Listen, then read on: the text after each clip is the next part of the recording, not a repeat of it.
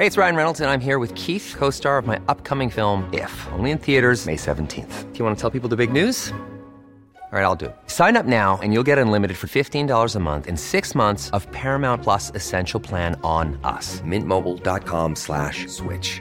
Upfront payment of $45 equivalent to $15 per month. Unlimited over 40 gigabytes per month. Face lower speeds. Videos at 480p. Active Mint customers by 531.24 get six months of Paramount Plus Essential Plan. Auto renews after six months. Offer ends May 31st, 2024. Separate Paramount Plus registration required. Terms and conditions apply if rated PG. Den där, den här bruden som du håller på med, eller nyss Prata inte för mycket nu. Det här är en podd. Kan vi klippa tillbaka? Ja, vi får klippa i början. Nöden har ingen lag. Välkomna till ett nytt avsnitt av podcasten Cyril och Stig. Cyril, det är jag, Cyril Hellman. Stig är författaren Stig Larsson. Podcasten produceras av Contro. Dagens gäst är bartender David Ammer. David är sedan 20 år tillbaka krögare och bartender. Han driver idag företaget Cocktailkungen som hyr ut barpersonal. Han har bland annat jobbat på Lokal och El Diaboli och för Stureplansgruppen och Absolut Vodka. Ja, idag sitter vi på Lilla Essingen hos barmästare David Ammer. Ja. Stigs granne. Då är det bra det Stig, kan gå i strumplästen till. Jo, även de tar hand om min katt också. Det är tre, tre meter över. Vi sitter med varsin eh, whisky sour gjord på Knobs Creek, som var min, eller Nobs Creek kanske man uttalar som var min favorit när jag bodde. Precis. Ja, den var väldigt god. Lagrad bourbon. Den är nästan lite för fin för att blanda på men... Och David, du är, du är ju inte du är ju inte här i egenskap av Stigs granne utan du, har ju, du är ju meriterad barmästare. Verkligen. Du, du, du, har, du har varit krögare och barmästare, Diablo, Stureplansgruppen och driver nu Cocktailkungen. Precis. Jobbat i bar sedan 18 år tillbaka egentligen och sen har jag drivit egen restaurang i 9 år. Då. Och cocktailbar. Så att eh, man har hängt med längre än vad jag trodde jag skulle göra höll jag på att säga. Ja, men när jag såg de här som, de, som du har visat mig, de här eh, angående historiken. Så är ju det historik när det gäller klassiska drinkar, visst. Ja Men precis. du vet ju att man har ju, alltså man har ju hittat i gravar och så. Har man hittat även här i Sverige att man har blandat med mjöd som man blandat i, i olika örter och sånt där va. Ja, Jag tror ja. den äldsta i Sverige är sådär 6000 år eller något sånt där. ja fy fan. De börjar, de börjar tidigt då. Ja, och det finns ju faktiskt teorier om att kulturen uppstod genom festande. Ja men det kan jag tänka mig. Sen har man nog förädlat den genom århundradena liksom. Ja, till, För, och, för de senaste två åren har man ju blandat. Kan, skulle du kunna redogöra skillnaden mellan cocktail och eh, grogg? till exempel? Alltså en, en grogg, eh, en grogg egentligen, eh, definierar vi i baren som en, en tvåkomponentsdrink. Att det är att man använder en spritsort och en drinkmixer då. då. Typ eh, gin och tonic eller Rom och cola. rom och cola, eh, vodka russian och, och så. Och en, en cocktail egentligen att det är eh, det är lite mer komplext än så men, men en cocktail är mer en, en, en komponerad drink som består av mer eh, olika ingredienser helt enkelt. En cocktail definierar man ju som en kort drink men det är kanske lite överkurs och sådär också. Ja, just det. Det är inte en lång drink. Nej, precis. En, en long drink är ju mer en, en som påminner om en grogg fast den är, det, det är en, en, en längre cocktail och, och fler ingredi- ingredienser. Mm. Eh, Är, är det som man definierar som en long drink. Men, men en, grogg kommer ju från ehm, från, eh, egentligen från brittiska flottan, the, the Royal Navy. Jag brukar alltid säga att det är därifrån nästan all, all drinkhistoria kommer ifrån. Ja, precis. Rom använder man väl mot sjöbjugg så? Ja, precis. Och- och- Ro- Romransonerna fick ju sjömännen mot sjöbjugg och, och man blandade ut det med angostura bitters och så för att kunna ta bort bakterier och, och när, när man reste över världshaven. Då då. Eh, men sen fick man lite problem i brittiska flottan att folk blev ju på, på dojan helt enkelt av att dricka de här romransonerna. Och då började man att blanda ut dem med vatten. Och det var en av Lord Nelsons admiraler som hette Admiral eh, eller han kallades för Admiral Grogg och började blanda ut de här ransonerna helt enkelt. Eh, Admiral Vernon hette han från början. Okej. Och gin och tonic, den användes väl i tonic hjälp, det är ju kinin som hjälpte mot malaria. Så det, Ja, det precis. britterna använde i Precis. Så britt, kolonialtiden. br- britterna har ju alltid legat långt fram när det gäller det här. Men, men eh, så att eh, i, i Indien under kolonialtiden exakt så började man att, Eh, och dricka eh, kininet i och med att det hjälpte mot malarian. Då. Och sen så blandade de ut det med ginen också. För att sprit hjälper ju också mot... Mm. Eh, man svettas ut spriten och alkoholen och det gillar inte kryp och mygg och etc. heller. Så att, eh, eh, det är därifrån den blev stor egentligen. Då, då. Och hur ska man göra en gin och tonic? För jag menar, trots att jag själv har jobbat som bartender för, för 20 år sedan i New York så, så tycker jag att när jag Ja. drack gin och tonic jag fick från, från dig på Stig 60-årsdag var den mycket godare än Ja. jag gör gin och tonic. Alltså gin och tonic, alltså tonic är ju inte egentligen en, en eh, eh, alltså ett, ett groggvirke om man säger så. Utan tonic är ju en, en syrup, alltså som en, en sockerlag kan man säga. Som man har kokat med eh, eh, kininbarken då. Och, och, så att egentligen så är det ju gin och sen är den här sockerlagen tonic syrupen som man kallar det. Och sen så eh, fyller man upp det med, med soda och då blir den ju brun egentligen. Det, det, det tror man inte. Det här gör vi ibland när vi är ute och jobbar men då tror ju folk att det är något fel på gin och tonicen för att den är brun.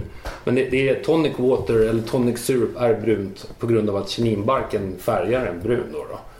Eh, Men sen, eh, alltså, som vi blandar den här i Sverige, då blandar vi den ju med tonic water, oftast typ Schweppes eller något sånt där som man köper. Nu gjorde jag reklam här också, men Ja. kanske man inte får göra med. Och den moderna cocktailen då som vi känner som cocktail. 1800-talet såg jag på. Ja, alltså co- cocktailkulturen börjar ju egentligen på eh, slutet på, eh, eller mitten på 1800-talet. Och då, då, det finns lite olika, eh, när man har omskrivit cocktailen mitten på 1800-talet, eh, ordet cocktail liksom. Och då definierar man ju Eh, det på att den var blandad på sprit, bitters, sånt här bitterextrakt, socker och sen så sodavatten, lite sodavatten. Att det var de fyra komponenterna. Eh, och det vi definierar, eh, eller det som jag beskriver nu är egentligen en Old Fashioned om, om man har provat att dricka det. Det är originalcocktailen då. The Old Fashioned Way då, då som man blandar. Eh, men sen, så, sen har vi ju spunnit vidare på det här genom, eh, genom eh, ja, 200 år eller vad det är och utvecklat det mer och mer och mer. Eh, Så att idag finns det ju mängder av olika cocktailskolor och, och beroende på var i världen man åker och hur man blandar dem och, och massor med olika sätt och både klassiker och Precis för cocktailkultur, drinkkulturen har utvecklats de senaste 20 Ja, alltså det man ser egentligen, eller det har ju hänt väldigt mycket, som du säger, de senaste 20 åren. Men alltså, det har ju varit mycket så 80-talet var ju mycket liksom frukter och, och, och dittan och dattan. Och sen eh, 20-talet var det mycket mer spritigare, där prohibition, speakeasy-tiden. Men det som börjar hända nu egentligen med cocktailtrender, det är att man har börjat gå tillbaka till eh, mer liksom förbudstidsdrinkar. Att det är mer spritiga drinkar kan man väl nästan säga. Eh, och, och att man gjorde som man gjorde det förr egentligen. då. Eh, Och förbudstiden, det berättade du för mig Stig förut. Du gjorde det som att Hemingway och många författare Ja. till Paris. Och, och Precis. att det är därför det finns så mycket barer kring Och Hemingway. Kuba också. Ja, Kuba, Kuba. precis. Men det, och det har ju, alltså 1920 så blev det ju spritförbudet i, i, i staterna. Det så kallade prohibition time. Och, och det är väldigt mycket av cocktailhistorien och sprit och drinkhistorien som, eh, som härleder egentligen till den tiden då. Och, eh, Problemet var ju då att då fick man ju inte tillverka sprit i staterna och, och man fick inte sälja den.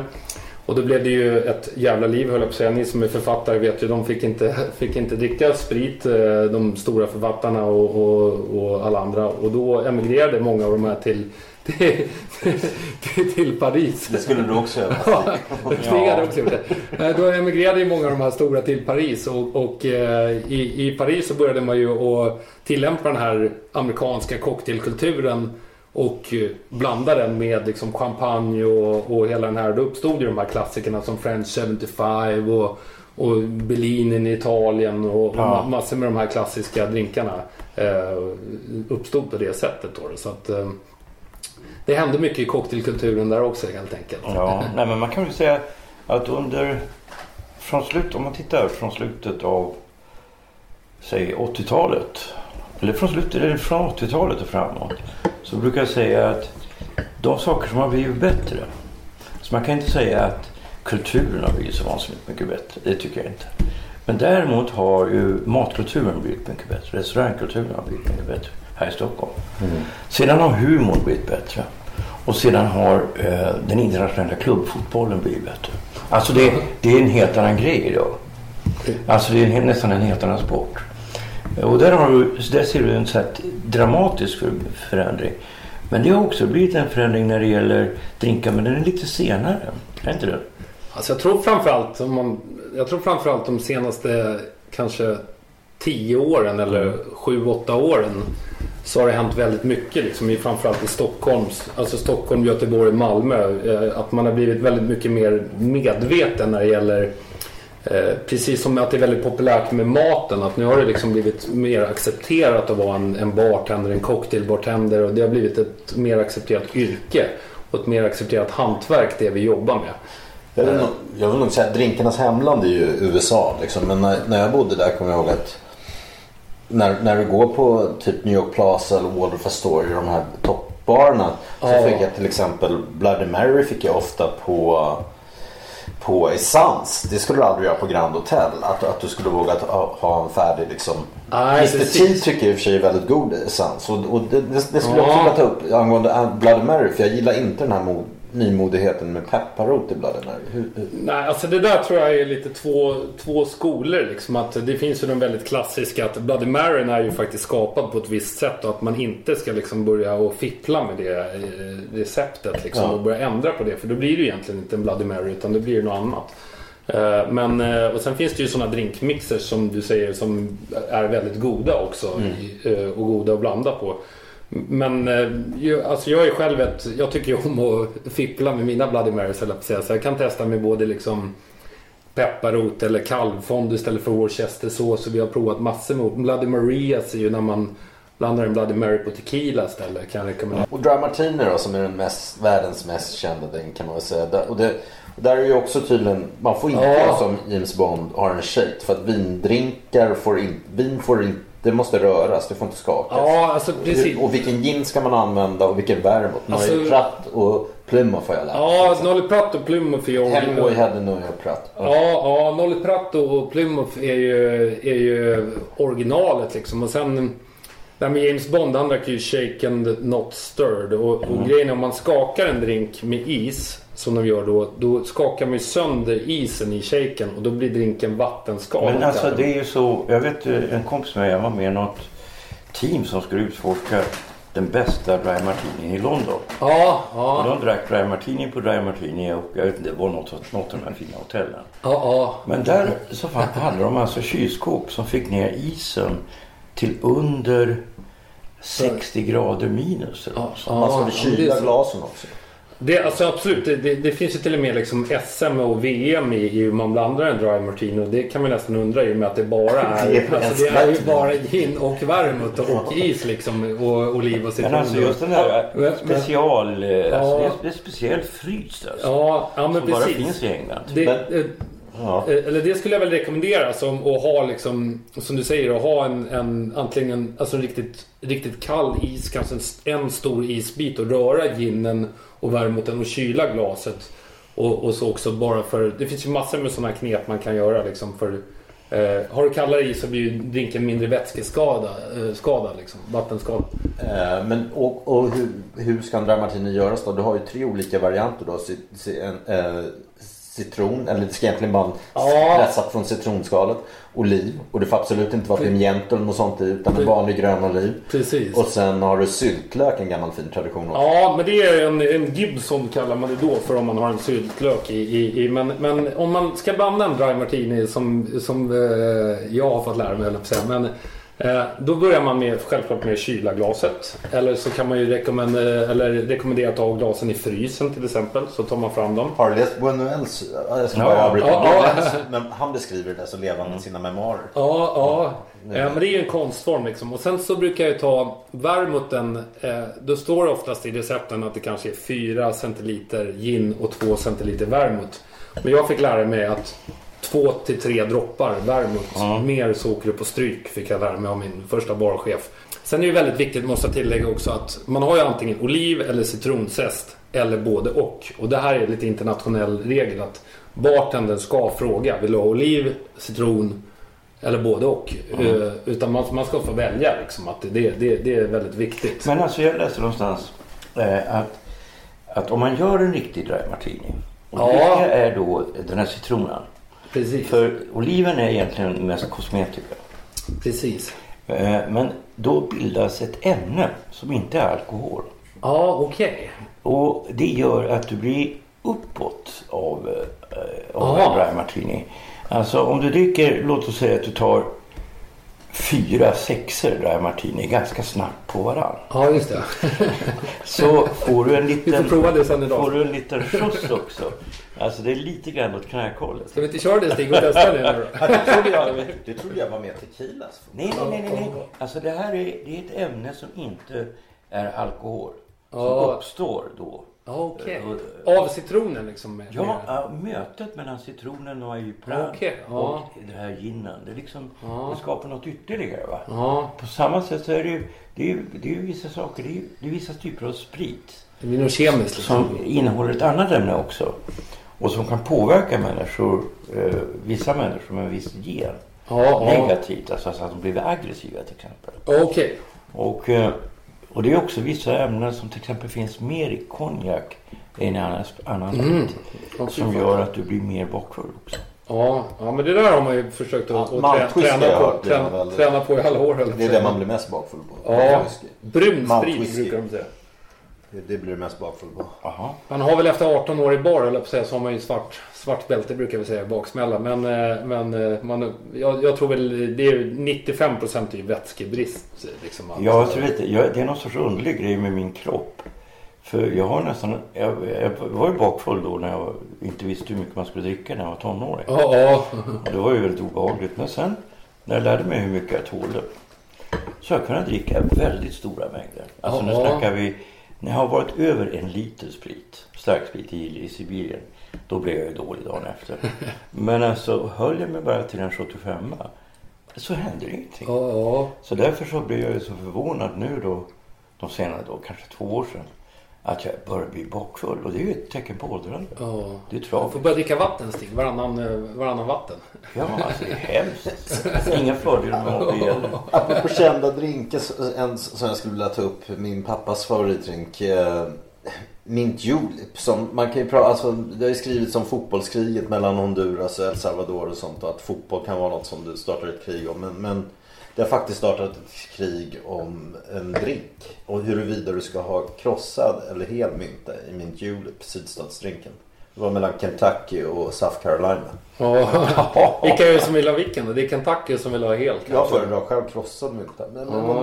men, Alltså kro- krossar man, eh, alltså det där tror jag är, det är ett väldigt, allvar, ett väldigt allvarligt eh, problem. jag. Men, men, eh, men, men alltså muddlar man myntan då, eller jag vet inte hur de har tänkt, men, men eh, alltså muddlar man myntan eller örter så blir de lätt lite beska och grådaska. Eh, Så att när vi använder örter och som mynta till exempel i bar och man blandar en mojito så till exempel så ska man ju inte muddla myntan för då blir den besk och grådaskig. Utan är man ska bara klappa myntan, slå den mellan händerna liksom. Så att då får du ut frigör oljan och smakerna i den. ja, det låter Så som det- jag har valt fel. Det Ja, det låter som du ska ändra och ta parti för Kentucky Kentucky-gängets uh, Mint Juleps. eh, Ja.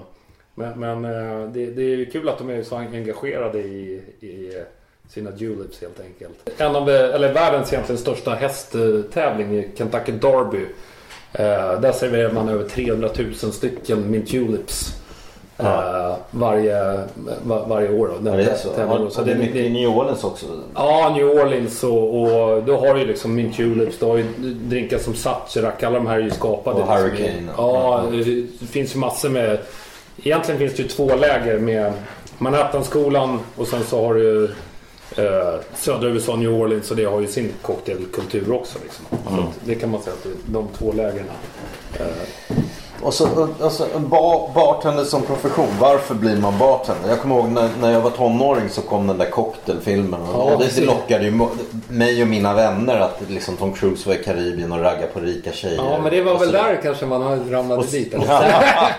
Nej men sen också, det är ju någonting. För att, för att jag Ja. kommer ihåg när jag var bartender där för 20 år sedan i New York. När jag och min kompis var unga och vackra. Det var ju, alltså det var ju... Vi, jobbade på ett modeställe för modemänniskor. Så, så, Ja, ja. och vi var de enda heterosexuella jag och min kompis. Ja, ja, så vi och de var andra var... hetero av. Hetero. Men, det var ju både killar och tjejer som stötte på oss. Och Stig, vad han än tror så skötte jag mig med min kompis. Han blev ju mer eller mindre sexmissbrukare. Ja, ja, ja, ja Och jag- så mycket att när, han, när, han, när vi flyttade hem till Sverige så trots att han fick ett jobb inom film så, så fortsatte han att jobba på bar kring Stureplan. Ja, ja, och det ja. vet jag nu. Han jag vet, att slita sig. Jag vet vid Stureplan många bartenders och dörrvakter eh, har yrken som rektor, arkitekt, börsmäklare Mm. och sånt och jobbar extra där kvällar. Och det är ju bara för tjejerna tror jag. Ja, ja, men det tror jag också. Det, och Och det är, att man känner sig som ja, stjärna. ja, men det, blir, ju- det är ju nästan som att stå på scen höll jag på att säga. Men det, det är ju en, det är en kick man får liksom. Av, Ja, nej, men sen Och- är det också det. Så det enda jobb jag har haft som har, varit, som har funkat så. Det var ju då när jag var som regiassistent. ja, ja. Som regissör är det ju djupt omoraliskt att stöta upp skådespelare till exempel. Det, det gör du inte. Men däremot som regiassistent är du nästan dum i huvudet. Om man inte gör det. För att du ska ju, du ska ju regissera bakgrunden va? Ja, Allt som rör sig där. Och det var ofta kanske 80 till 100 personer i bakgrunden. Så då kan du välja en tjej per dag. Och jag hade en sån smart deal när jag jobbade på förra Strindberg-serien. Den här nya den regisserade jag själv och då var det ingenting sånt. Det var ju för övrigt gift. Men den, den gamla Strindberg-serien hade jag en deal med B-fotot. Alltså han som eh, kollar skärpan va. Så jag fick veta vad, vad bildkant gick. Den gamla var den med Tommy Berggren. Ja, precis. streamer. Ja. 83. Eh, Den kom 84.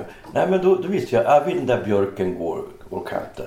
För då kunde jag använda tjejer flera gånger. Va? Ja, ja. Eh, om inte jag hade tid att snacka med dem. Och liksom dejta dem på kvällen. Det är ju världsklass. Men du sa till mig att man kan se på, på en bartender hur han skakar drinken, hans fuckface. Ja, men det Så brukar det vi- finns många bartenders som var som min men Jag vet, inte om vi ska, jag vet inte om vi ska berätta eller de, de brukar säga att jag har förstört många, många bar, barupplevelser när jag brukar dra den här på, på mina drinkutbildningar. Men, men eh, det, det, det ryktas ju att en bartender ser likadan ut i, i sängen som man gör när han skakar en drink på Jaha. eh, ansiktet. Att han gör sitt så kallade, eh, ursäkta ordet, eh, om svärmor lyssnar höll jag men fuckface då, Ja. när, när, när han skakar sin drink. Så att, eh, ni får väl ta en titt och, och titta då så att säga, nästa gång ni beställer. Ja, men det måste ju vara någon form av råtis för du sa till mig att eh, du hyr ju ut barpersonal till events. Och, Ja, precis. och, och du sa till mig, någon som du och jag skulle inte eh, kunna gå på, eller vara bartenders på några 25-årsfester. Så därför har de många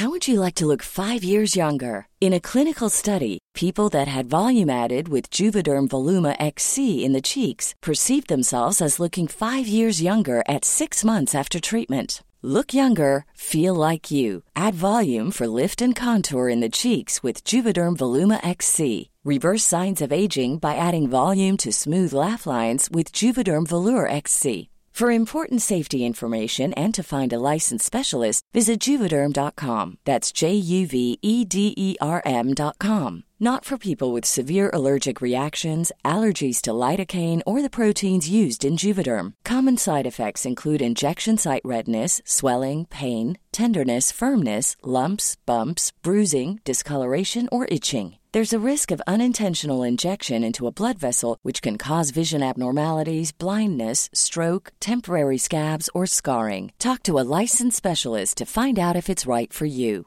When you're ready to pop the question, the last thing you want to do is second guess the ring. At Bluenile.com, you can design a one of a kind ring with the ease and convenience of shopping online. Choose your diamond and setting. When you find the one, you'll get it delivered right to your door. Go to Bluenile.com and use promo code LISTEN to get $50 off your purchase of $500 or more. That's code LISTEN at Bluenile.com for $50 off your purchase. Bluenile.com code LISTEN. Unga killar och tjejer. Ja, precis. Ja, men det där är väl mer att man... Stig skulle gärna vara. Ja, ni ska ju följa med. Nä, nästa podd kör vi ju... Då ska vi ut och gästbartender. Har du berättat det för Stig? Eh, nej, men det, det där handlar ju om att... Och, eh, det tror jag att det är viktigt att rätt klientel, liksom, att man är ute och jobbar med rätt klientel och, och, och sådär helt enkelt. Speciellt nu om man skulle vilja ra- ragga på klientet som vi har varit inne på. Men, men, eh, men, Ja. Det, det, Men sen det, är det den andra aspekten också som du var inne på Cyril. Eh, som du sa att du blev tvungen att ta den rollen. Den här bartenderrollen som nästan en psykolog. Ja precis, jag tog, min kompis var den här som stötte medan jag var typ en psykolog. Så man, När man går till frisören också. Det var lite good eller cup. ibland taxichaufförer. Att man sitter och... det var lite good på bad. Ja. Ja, Ja, men det, är, det är lite, alltså, det blir ju så när man har jobbat i bar att det är ju... Det, man blir ju som en hobbypsykolog. Liksom, att folk känner ju att de... Ett, de kan ju ragga på en tror de. Liksom, det är ju som att gå på banken och liksom börja ragga på... Det är vissa säkert som gör det. Men vad är det egentligen som ger en rätt att alltid börja ragga på bartender? Liksom? Det är förmodligen att det är liksom alkohol inblandat. Men... men och, och, och sen liksom... Ja precis, där har jag varit. Ja. Alltså som kund Ja, har jag ja. däremot raggat på kvinnliga Ja, bartenders. ja, precis. Man försöker Eh, liksom... Men då har jag ändå, ändå sett ett problem med den här muren som Ja, bardisken gör. ja, precis. Men den, det är den som är skön att ha ibland när man jobbar som bartender. det är vår, vår försvarsbarriär. Men, men sen är det ju liksom att det här att man vågar öppna upp sig och bli någon sorts... Eh, alltså du öppnar upp dig för liksom och gråter ut och det är liksom inför bartendern och liksom, det är ju nästan vi och präster och läkare. Eh, som, som, som blir någon sorts... Eh, liksom att det är okej att stå och berätta all- allting för, för vårt... Du vet vad de tre sakerna som man aldrig får prata om är, som bartender är va? Nej. Politik, religion och fotboll. Det är sånt Ja, som startar, värld, det är sånt som startar världskrig. Så det, det får man, som bartender det får man aldrig prata om när man, Okej. man det ska man alltid hålla sig borta ifrån. Hur är det med det? Min pappa skrev ju den här den största cocktailboken som är svenska bartenders bibel och ges ut på nya upplagor gång på gång. Och första upplagan går på flera tusen på Blocket. Eh, Men jag kommer ihåg, jag växte ju upp medan han skrev den där boken. Jag kommer ihåg att hans umgänge som var ganska då, macho manliga författare, Ivar Lo och sådana. Eh, de frågade honom ofta om det finns några afrodiska drinkar. Alltså som får tjejer att gå igång. Jag kommer inte ihåg vad han svarade man för jag var så liten. Det där har man ägnat en halv livstid åt höll jag på att säga. Men, eh, men, men, men, Men det är eh, det enda som finns Du som verkligen fungerar. I likörer. Nej, nej, nej, nej, nej. Alltså nej, det här är verkligen, jag upptäckte det, trodde jag, att jag, jag trodde jag upptäckte det själv. Jag hade en, köpt lite färsk tryffel. Och så hade jag en tjej som jag räknar som en tregångers tjej. Alltså man fixar inte första gången, man fixar inte andra gången. Utan den tredje gången. Och det funkade på en gång. Så jag sparade lite grann tryffel. Så nästa dag ringde jag en annan så här, svår tjej. Som jag, jag hade aldrig dejtat henne. Och det funkade också. Och tredje dagen, här det funkar igen. Eh, så jag var tvungen att ringa till Horace. Och, eh, Horace Engdahl. ja, ja. Och säga, nu Horace har, kan ha någonting som inte du kan. Men vad skulle det ju vara? Han lät mycket skeptisk. Då sa han, ja vet, alltså färsk tryffel har en extremt afrodisiakisk effekt på kvinnor. Jaha, det har man känt till sedan antiken. Har du inte läst Tertullianus? Alltså, tryff- Det kommenterar även Bria Savarin förresten. Alltså tryffel i choklad eller svamp? Nej, nej, nej. Svampen. Och, och, men det är som Alltså hallonboll. ostron hade jag hört men Nej, inte nej, nej. svampen. Den färska tryffeln. Men det måste vara färsk. Ja, ja. Eh, Den innehåller ett ämne som gör att tjejer tror att de har ägglossning. Jaha. Men det är som hallonvodkan höll jag på att säga. jag, är så noga med att inte droga tjejer. Vi ska, vi ska nog ta kontakt med Acast Premium och ta betalt för de här poddavsnitten. Stäng av nu, avslöja inte mer. Men det finns inga sådana drinkar alltså? Alltså det, jo men det finns det väl men... eh, men, eh, eller man Men du sa försökt- till mig förut någon gång att man ska förtäcka dem. Att det ska inte Ja, smaka alltså det är sprit. klassiska, precis. Men det är väl att försöka maskera spriten. Det gör man ju med vissa spritsorter på. Men, Från men, Long eh, Island Ice eller? Ja, men det kanske mer kanske med typ så hallonvodka eller strawberry daiquiri eller så. Det går ju hälla liksom hur mycket sprit som helst höll jag på. Och, det är ju folk... Det finns ju ett trick eh, och det är en, en link som faktiskt Horace kom på. Eh, Eller när han lärde sig det när han gjorde lumpen. Som heter Dödsdrinken. Fy fan. Och vi hade, när vi hade den här tidskriften som heter Kris. Så hade vi en sån här releasefest som det numera heter.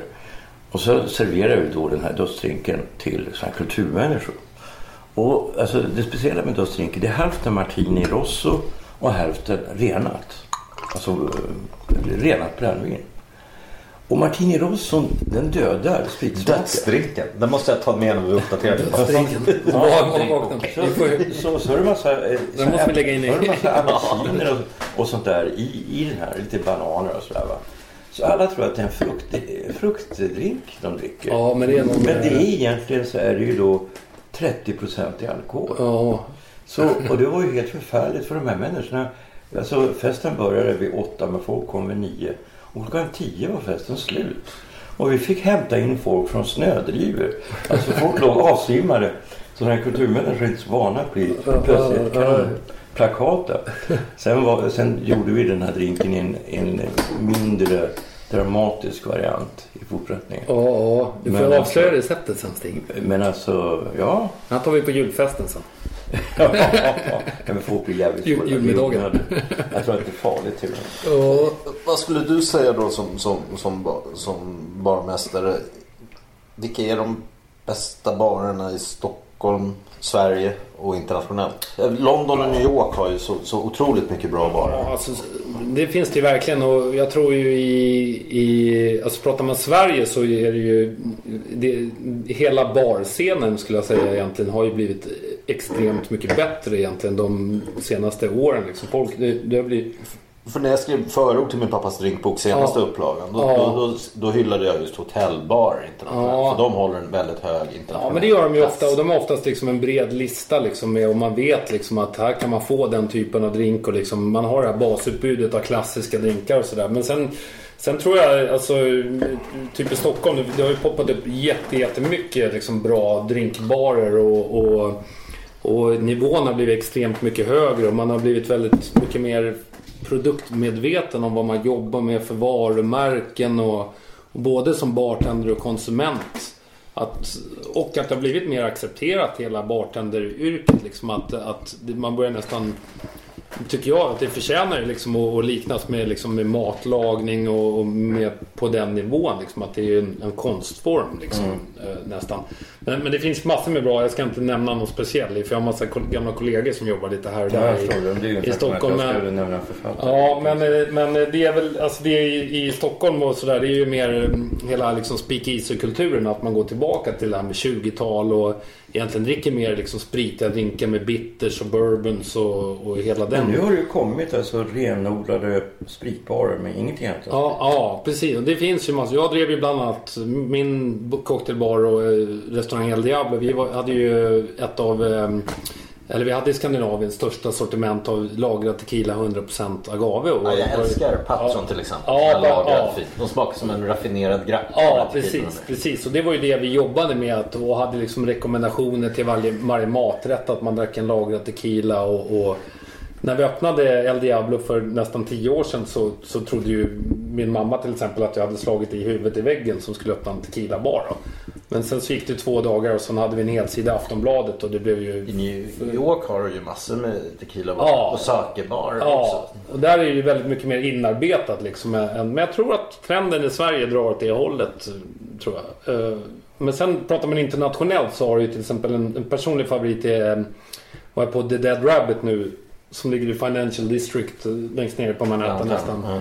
Och, och det är liksom, eh, de har ju vunnit världens bästa cocktailbar två år i rad. Då. Eh, Och det är väldigt så här, alltså laid back liksom och, och irländare som driver det och de jobbar mycket med, har ett av USAs största utbud av irländsk whisky. Och det använder de som bas till att blanda sina drinkar och cocktails. Och det är inte liksom up-nosed utan man, jag var där en söndag och då var det irländsk folkmusik, ett liveband som spelade och det var väldigt avslappnat och... och Alltså jag blev så förvånad när jag var i Kina, eh, i Kunming, i Yunnan-provinsen. 2004, det är alltså ändå 12 år sedan. Att det var så som bra barkultur och cocktailkultur där. Men där tror jag att det börjar hända. De köper nästan all champagne höll jag på att säga kineserna. Ja, men alltså, Men- jag såg att det var så jävla sofistikerat. Jag, var, jag gillade framförallt en bar som hette The Book Bar. Ja. Nästan bara spelade Miles Davis och John Coltrane och sådär. Ja, vad, låg, vad, låg, alltså, vad ligger det i, i mitt Alltså det ligger nästan bredvid Burma. Ja, okej. Aj, apropå det så fick jag på, på Rafaels, vi kände Rafaels i Singapore där du gjorde Ja, Sling ja. i Singapore. Men de Jag har en filial i Phnom Penh i Kambodja har de ett Rafaels också. Ja. Där drack jag en väldigt god eh, eh, champagnedrink som hette Onassis. Onassis Okej. för hon hade varit där på 60-talet och man hade Ja, druckit. ett glas Ja. med hennes läppstifts. Ja, just det. Chaplin hade också varit där och druckit. Ja. Ja, Jag var på, på Ra- Ra- Raffles också och, och drack Singapore Sling. Ja. var, vi hade varit i, i Thailand en, en månad och så skulle vi avsluta med att åka dit och dricka Singapore Sling. Men det, det, det tyckte jag var en väldig besvikelse. Det, vi stod där med filmkameror och allt möjligt. Men då tog de en färdigblandad Singapore Sling i kanna och hällde upp framför oss. Ja, men så vana vi ju. Jag ligger i förhandlingar och uppdaterar pappas drinkbok och då vill jag uppdatera alltså kapitlet bara världen över. Och då har jag sett nu när jag gör research att Sydney och även Melbourne och Singapore. De har flest toppbarer då förutom London och New York. Ja, men det har, det, det, det har de. Det finns massor med bra barer. Jag tror liksom som Stig säger med Kina och sådär. Det är jag bland annat en gammal kollega, han jobbar i Shanghai sedan flera år tillbaka. Och du, du har... Shanghai läser jag också. Ja, Dubai börjar komma mycket. Liksom, och jag tror att cocktailkulturen sprider sig. Alltså meckarna det är liksom, det är ju London och New York. Det är ju ingen snack om det. Men, men det sprider sig mer och mer. Och, och, Lima fanns det också. Ja, precis. Men där nere har man ju mycket liksom pisco och hela den Ja. kulturen. Och, och... Whisky Sour, det är en favorit. Ja, precis. Det är det. Är grymt med pisco sour. Men, men kollar man på bolaget i Sverige så har vi liksom en eller två piscos. Liksom. I- Där nere har du ju mycket som helst. Liksom. Så Ja. att, eh, det finns ju fantastiskt som i Grappa. Det finns ju... Jo, jag funderar på faktiskt att ta in en chilensk pisco. För, för, Mm. för vi har sån stor chilensk community här och chilenare och peruaner går inte alltid ihop. Liksom. Ja, ja, jag tror att jag skulle kunna säga, nu, nu ger jag bort den här idén till någon annan. Ja, ja, men, men, men, men då, då, Får lägga locket på och sluta prata med nej, du får avslöja är. Men, men, eh, nej, men så att eh, cocktailkulturen den, den, eh, den sprider sig och, och, den, och blir framförallt den blir bättre, bättre, bättre. Man blir mycket mer medveten och i Sverige händer det ju jättemycket hela tiden. Man sitter ju nästan och väntar på när de ska börja köra istället för matlagningsprogram att det ska bli Ja, varför har de inte börjat med det? Precis, att vi bartenders får börja tävla mot varandra. Eh, Det, det kan ju vara någonting. Det är någon idé för Contro här. Ja, Vårt precis. produktionsbolag.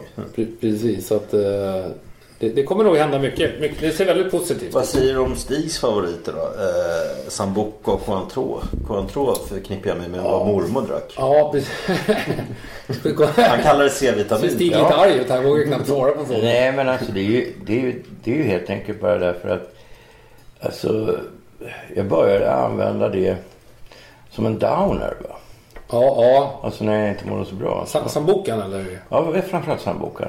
För det går ju rakt ut i blodet. Ja, okej. Så Mycket känner du- socker i sambuca Ja, det är som så, faktiskt... med. Det är så mycket socker så att Ja. du behöver bara... Vad ska du egentligen- dricka det med en kaffebönna?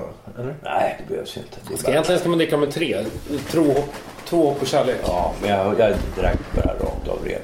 Men alltså det behövs egentligen bara att du sveper en, en sexa sambuca. Ja, ja. Så fylls du av... eh, Jag förklarade det för de här som hade misskoa. De var ju muslimer och hade aldrig druckit. Och då sa den här killen. Men du Stig, du dricker ju varje kväll va? Och så du blir aldrig full. Varför du dricker? Var beautiful. Då sa jag, ja, så här, du har aldrig druckit? Nej, jag är muslim. Jo, men alltså du, du blir, tänker att du i bröstet, så du, du blir varm. Hela bröstet blir varmt. Och det är så starkt va, så att du känner hur det går ner i magen va. Och så värmer det bröstet va. Och du blir lugn. Jaha, det låter ganska bra. Testa han sen också eller? Nej, nej, nej. Våra glas men Thomas ska vi avsluta med att du gör en ny drink. Absolut, Kanske. men eh, frågan är... Jag har ju blandat så jävla många drinkar höll jag på att säga. Men eh, eh, frågan är om inte kanske Stig ska blanda en drink då? Ja, Nej, ja, jag, jag, jag, ja, är så, ja, nej, alltså, jag är bra på teoretiska saker. Men eh, jag är så klantig. Ja. Ska jag blanda en drink så kommer det att smaka väldigt dåligt. Moonshine här har på, står på bordet. Vad är det för? Är det någon drink du hade? Ja, men moonshine är Det är hembränt väl? På... Ja, moonshine är ju egentligen eh, alltså, hembränt kan man säga från staterna. Det är ju alltså, som bourbon, majsbrännvin fast det är olagrat. eh, Det har jag aldrig eh, smakat. Kan man säga. Det där är ju en smaksatt, smaksatt på äppelpaj. Så den, den, eh, den ska väl eh, smaka. Men frågan är om vi inte ska blanda kanske en typ en eh, så här superklassiker som typ en whisky sour och, och, och avsluta med eh, och testa helt enkelt vad ni tycker om den. Ja. Men hade vi inte druckit just nu? Vi drack ju. Ja. Nu fick du inte avslöja det Stig. jag skojar. Jaha. Men, men, men, Nej, men du, alltså, har du hallon här? eh, Nej, det har du Nej, det har inte just här nu. Jag tänkte en Clover Club. Ja, det är ju men- grymt. Den får vi ta. Det är Philadelphias. eh, ko- Men annars gör en ny whisky sour så berättar du vad du gör under tiden. Vi kan väl testa blanda en whisky sour. Det, är- Ja. det, det är Den var ju väldigt god så jag tar gärna en till. Ja, det är en superklassiker. Den har ju sina rötter egentligen i från, eh, eh, från brittiska flottan. Jag brukar alltid säga att all sprithistoria har att göra med The Royal Navy eller med Hemingway. Men, eh, och då blandade man, eh, man, man eh, alltså reste ju över världshaven och så dog ju folk som flugor och man visste inte vad det var. Och så kom jag på att det var ju, det var ju någon av de här admiralerna som kom på att det var ju skörbjuggen berodde ju på att det inte var något C-vitamin. Då började man att blanda ut ransonerna med eh, som vi pratade om innan med vatten och så började man att blanda ut det med, med citrus, med citronjuice eller eh, lime eller så. Eh, och då fick man en föregångare som heter Brandy Crusta. Och det är egentligen föregångaren till Whiskey Sour som den blev senare. Då. Eh, och, eh, så vi ska, jag tänkte vi, vi testar en Whiskey Sour då, och det en Whiskey Sour blandar vi på Bourbon eller på Rye Whiskey. Vi ska göra den på en, en Bourbon, Knob Creek där som vi pratade om innan. Eh, och sen så är det citronjuice och sen så använder vi sockerlag. Och egentligen så är det, tycker jag, en fyra Bourbon, en fyra citron och en trea sockerlag. Och sen så använder jag äggvita i mina. Det här finns det väldigt två olika läger också. Att det heter en Boston Sour om man har äggvita eller bla bla bla bla bla. Men jag tycker att det ska vara äggvita i alla fall i min whisky Det blir sour. lite mer skum av det. Ja, precis. Så skakar man. Det bästa egentligen att jag kan rekommendera det är att skaka. Att man tar en, en, man tar en shaker och så tar man en, en fyra, fyra bourbon. Någon som man tycker är god. Maker's Mark. Kan, får man rekommendera märken eller? Jag vet Eh, ja. Vi har ingen sponsring bara. ah, precis. Eh, Fyra centiliter färskpressad eh, citron är bäst. Man kan köpa citronkoncentrat och sådär också. Men jag kan rekommendera att färskpressa. 3 centiliter sockerlag. Det är hälften socker och hälften vatten. Eh, som man kokar bara så det löser upp sig kristallerna. Och sen så har vi lite äggvita i. Eh, och då kan man knäcka i, det brukar vara laga med en centiliter äggvita. Sen torrskakar vi den här. Brukar jag göra med mina sours. Eh, torrskakar vi den här utan is. Då skakar man hårt. Som bara fanken. Nu jag vi ditt ett fuckface. Stackars Rish. Vi får gå ut och kolla fuckfacen. Det- är hemläxa till nästan. Eh, Och sen eh, så tar man den, om man torrskakar så får man ett kompakt skönt skum. Eh, Vilket inte är det här av någon anledning. Men, och sen så silar vi upp, eller vi tar i isen i dränken efteråt i shaken. Så kyler vi ner den. Sen, det här kallas en julep strainer. Så har man på mint juleps. Den la man på Är det därifrån det kommer alltså? Ja, den här la man på... det blev beskriva för- Ja, en lyssnarna. eh, speciell typ av sid. Det, det här är ju... Man la de här på sina mint juleps förut. Det är lite sidospår här nu. Men eh, för att hålla tillbaka isen när man drack. För man hade ju inga sugrör på 1800-talet. Så det är därför man kommer. Ja, när kom sugrören? Ja, det vet jag inte exakt. Men jag tänkte dra till med något och ljuga där. Men... eh, men, Nej, men eh, jag vet ju att jag fick ju... Alltså jag kunde inte dricka mjölk. Jag var så fruktansvärt bortskämd så mina föräldrar blev helt förtvivlade och trodde jag skulle få kalkbrist. Men så hade vi släktingar i Amerika, de skrev om det här problemet. Så jag fick faktiskt innan O'boy, O'boy kom 1961. Men innan O'boy kom så fick jag sugrör skickade från Amerika med chokladsmak. Ja, ja. Så jag skulle få i mig mjölk. Från sprit till mjölk. Ja. Oh boy. Ja, Okej. precis. Vi kanske ska avsluta nu. Ska vi inte, då kommer vi in på White Russian också. Ja, what Russian? Ja, ja, precis. Nej, men så det, det där är väl en, en superklassiker, eller det är en superklassiker. Whisky Sour och, och enkel att göra och blanda hemma och bjuda sina gäster eller dricka själv eller så. Mm. Så att eh, det kan vi varmt rekommendera.